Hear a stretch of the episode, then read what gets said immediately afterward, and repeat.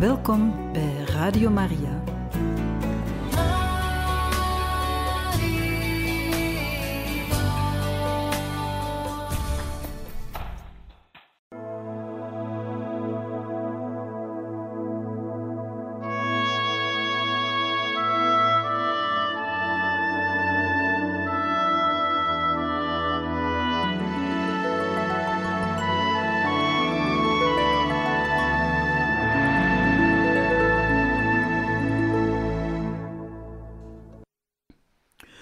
Hoofdstuk 17 Triomf in Honolulu. Triomfantelijk bezoek aan Honolulu, juli 1886. Damiaan stapte met moeite op de kade in Honolulu. Hij strompelde de helling op richting kathedraal. Toen hij daar langskwam, maakte hij een kruisteken.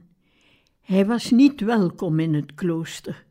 Paters en broeders schrokken en keken kwaad, ontzet en bang naar hem. Niemand lachte, niemand stak een hand uit. De man met het paarsachtige gezicht dat vol leproma stond, de man met de oren die bijna zijn schouders raakten, met de ontstoken ogen, de uitvallende wenkbrauwen, de vingerknokkels die uit de kootjes puilden die man had de regel van de segregatie gebroken. Erger nog, hij was ongehoorzaam aan zijn overste. Hij kon niet blijven, hij moest vertrekken. Hij mocht alleen even zitten op een oude stoel die ze daarna zouden verbranden. Kukkeman telefoneerde naar Gibson. Dit was Damiaans eigen gereid optreden. De missie was hier niet verantwoordelijk voor. Gibson belde moeder overste. Beiden waren er zich van bewust dat de telefoon als luidspreker functioneerde. Operatrices en andere abonnees luisterden graag mee. Het gesprek bleef formeel. Moeder Marianne sprak met historische zinnen. Citaat: Stuur hem. We zullen voor hem zorgen. Doe niets dat zijn gevoelens zou kunnen kwetsen. Ik geloof niet dat iemand onder ons zich kan inbeelden hoeveel hij geleden heeft.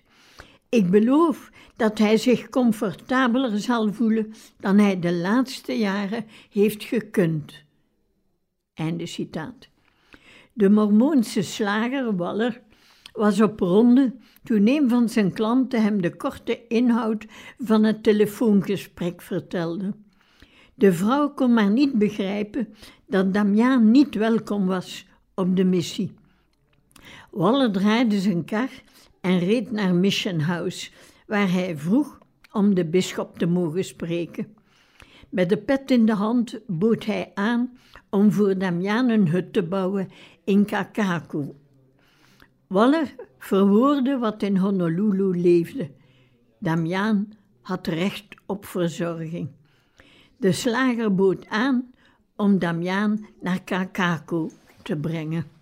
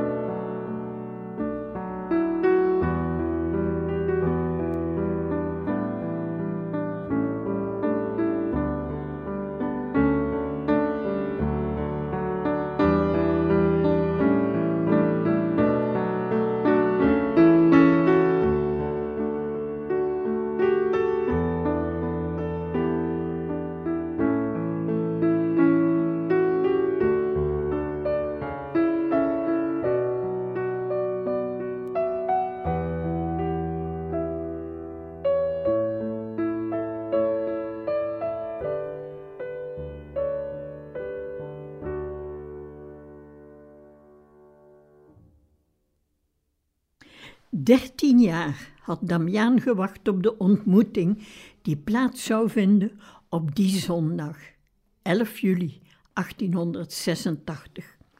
Zo lang geleden was het dat hij de generaal schreef dat hospitaalzusters hoogst nodig waren. Sinds november 1882 keek hij uit naar de toen ogenschijnlijk nakende ontmoeting, want toen had koning Kalakaua voorgesteld om op kosten van de Hawaïaanse staat zusters uit te nodigen.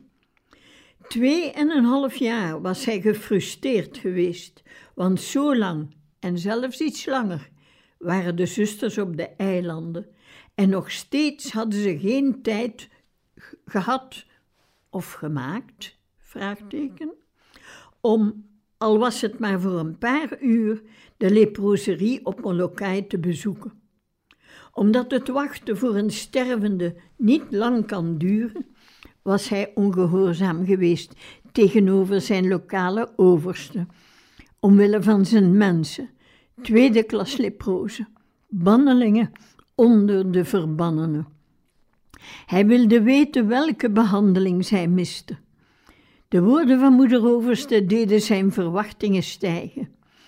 De Goto-methode betekende extra werk, maar de zusters deden dat graag, want de patiënten gingen snel vooruit en de dokter dacht eraan enkele te ontslaan. Dat was nieuw in de geschiedenis van lepra. Toen maandags Gibson langskwam, kondigde moeder Overste de officiële positie in het bijzijn van de medewerkers aan. Damiaans miserie had de zusters diep getroffen. Gibson vond dat hij ook wat moest doen en bestelde rode wijn voor Damiaan. In de namiddag bezocht Gibson Damiaan. Het gesprek verliep moeilijk. Een half uur lang pleitte Damiaan voor de implanting van de Goto-methode op Molokai. Gibson vond hem een taterende zeur, die het wel eerlijk meende. Ook moeder Overste werd zijn vele vragen moe. Op 15 juli, toen hij drie dagen in Kakako was, noteerde Gibson in zijn dagboek dat ze opgelucht zou zijn als Damiaan vertrok.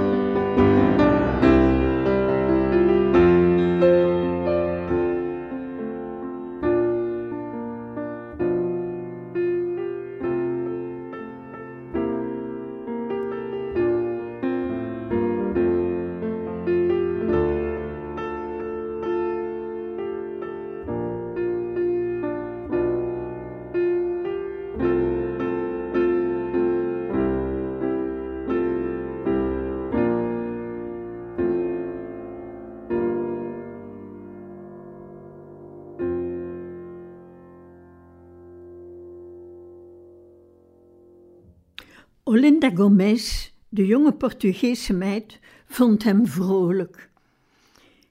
Hij lachte haar toe als ze hem zijn ontbijt bracht. Ze bleef altijd wat hangen, want hij sprak een mondje Portugees. De Nederlandse zuster Crescentia bereidde zijn maaltijden met zorg. Ze zocht naar mooie tafelkleden en trachtte de zieke man meer te doen eten. Damiaan vertelde haar dat zijn twee zusters als Ursuline in Nederland hadden gewerkt en dat brak het ijs. De Melaatse kinderen trachten een glimp van Damiaan op te vangen. Ze renden voorbij of verstopten zich giechelend. Crescentia trachtte hen te verjagen, maar Damiaan vroeg haar hen te laten. Soms rende een jongen langs zijn tafel en stal een stuk brood. Damiaan deed of hij hem achtervolgde, waarop iedereen moest lachen. Hij bezocht ook de gezonde meisjes in Capiolani Home. De meeste had hij op Molokai gekend. Ze hadden opbeuring nodig en nieuws van thuis.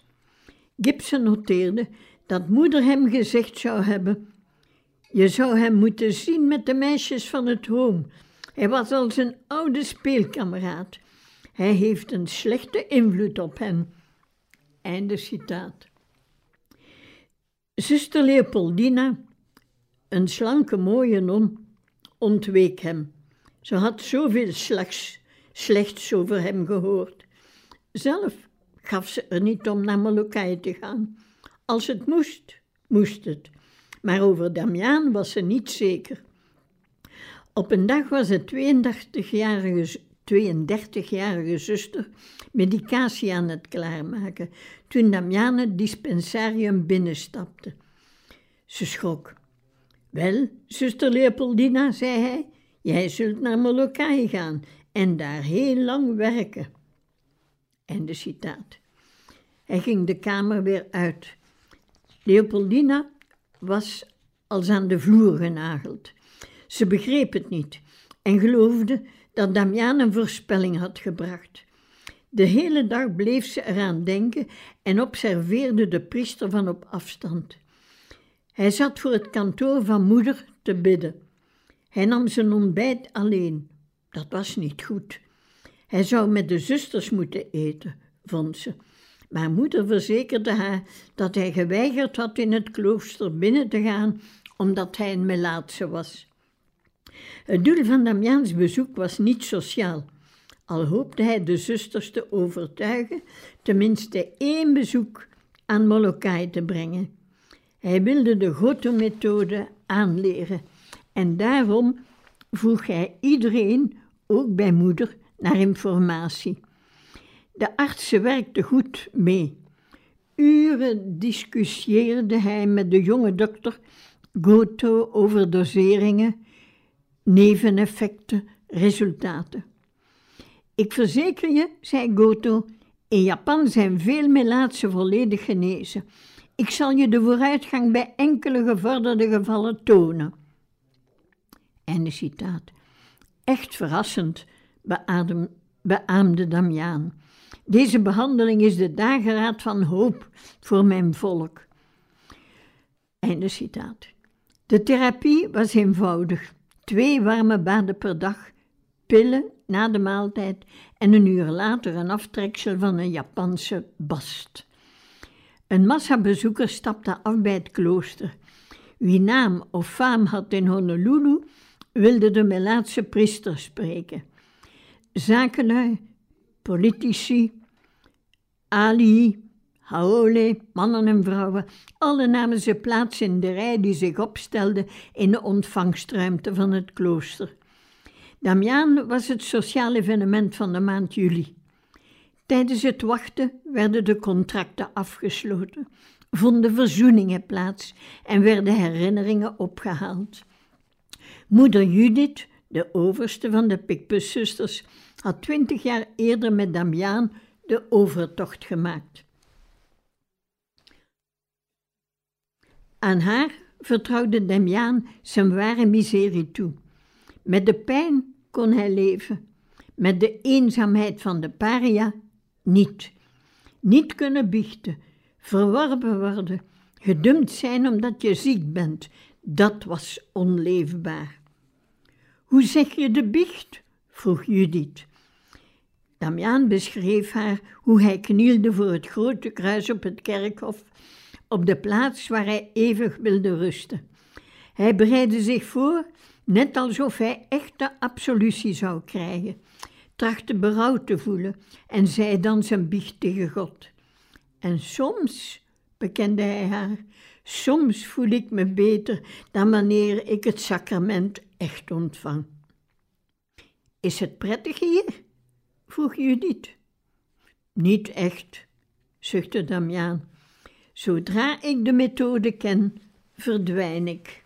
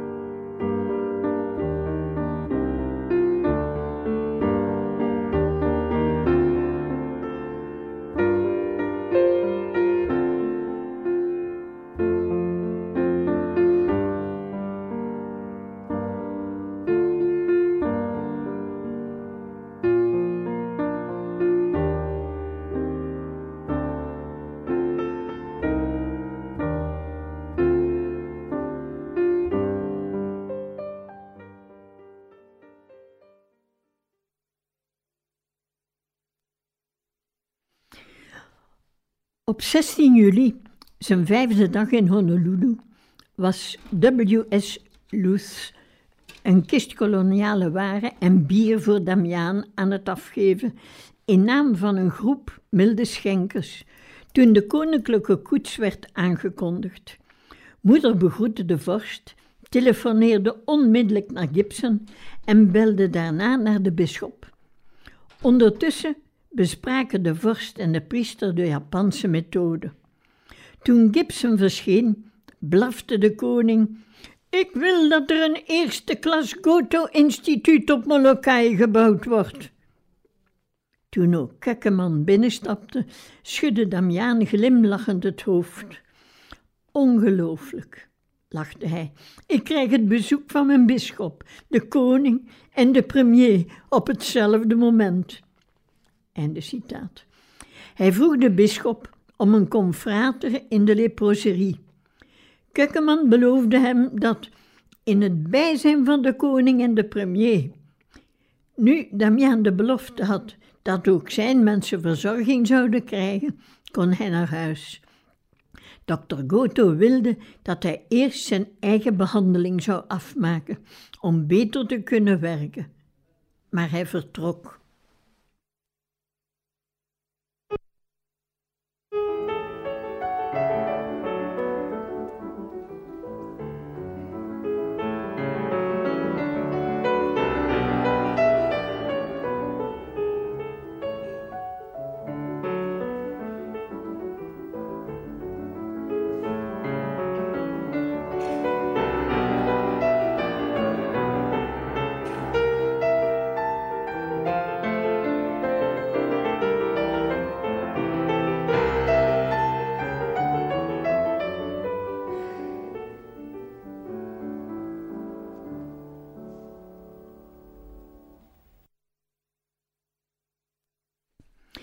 Gibson uitgefloten op Molokai.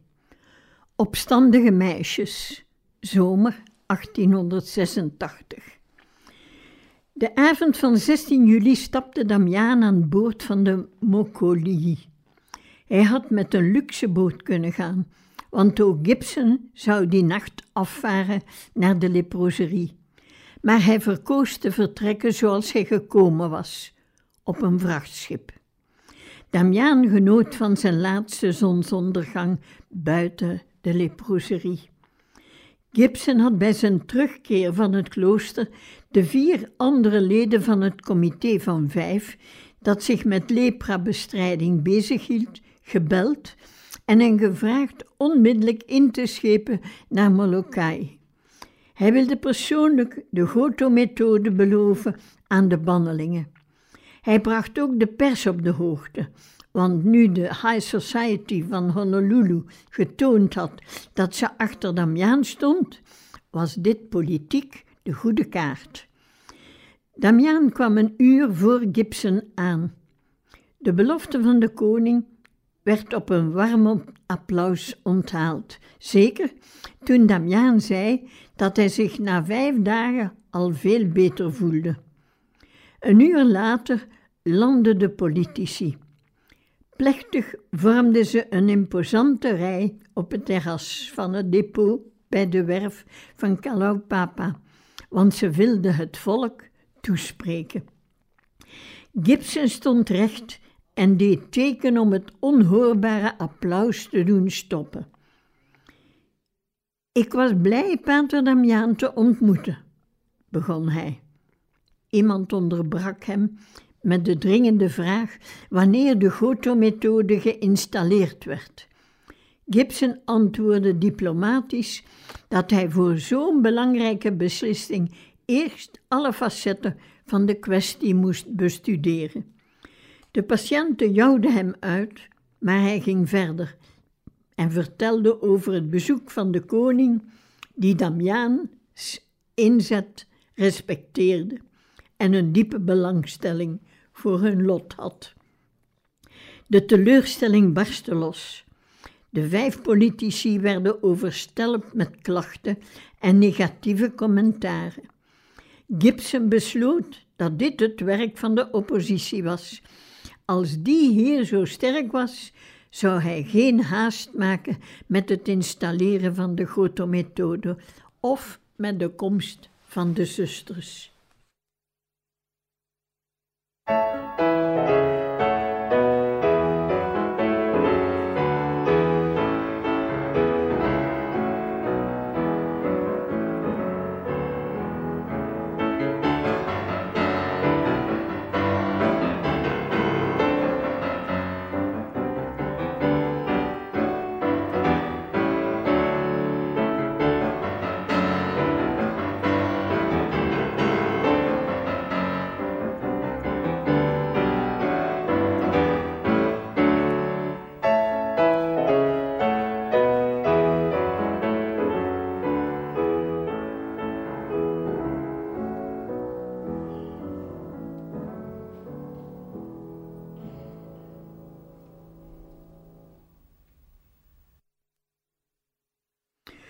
Toen in Honolulu, terug in Honolulu, haastte hij zich naar Kakako, waar hij zijn beklag deed bij moederoverste. Gibson had met haar te doen en noteerde in zijn dagboek dat zij niet meer wist hoe de meisjes in Capiolani Home aan te pakken. Sinds Damiaans bezoek waren ze opstandig. Opgelucht keerde Anna terug naar haar moeder, die met enkele seksueel zeer actieve mannen samenwoonden. Een half jaar lang, een half jaar later, was haar moeder gestorven en werd Anna geprostitueerd door een Aziat. Damiaan vroeg om haar in het meisjeszoom in Kalawao te mogen plaatsen. Meijer antwoordde hierop: Het heeft me steeds zeer verkeerd toegeschenen. Ik kan zelf zeggen onvergeeflijk dat dit arme meisje teruggestuurd werd naar het asiel, waar ze aan morele en lichamelijke corruptie blootstond. Ik blijf het gevoel hebben dat de goede zusters in Kakako niet correct hebben gehandeld toen ze het meisje terugzonden, als ze die beslissing hebben genomen. Het meisje kan zich slecht gedragen hebben, maar het is om zo te zeggen nog een kind. De straf die dit kind kreeg, het terugsturen naar Kalawao, schijnt te vreed. De zusters zijn misschien niet verantwoordelijk. Ik hoop het van harte.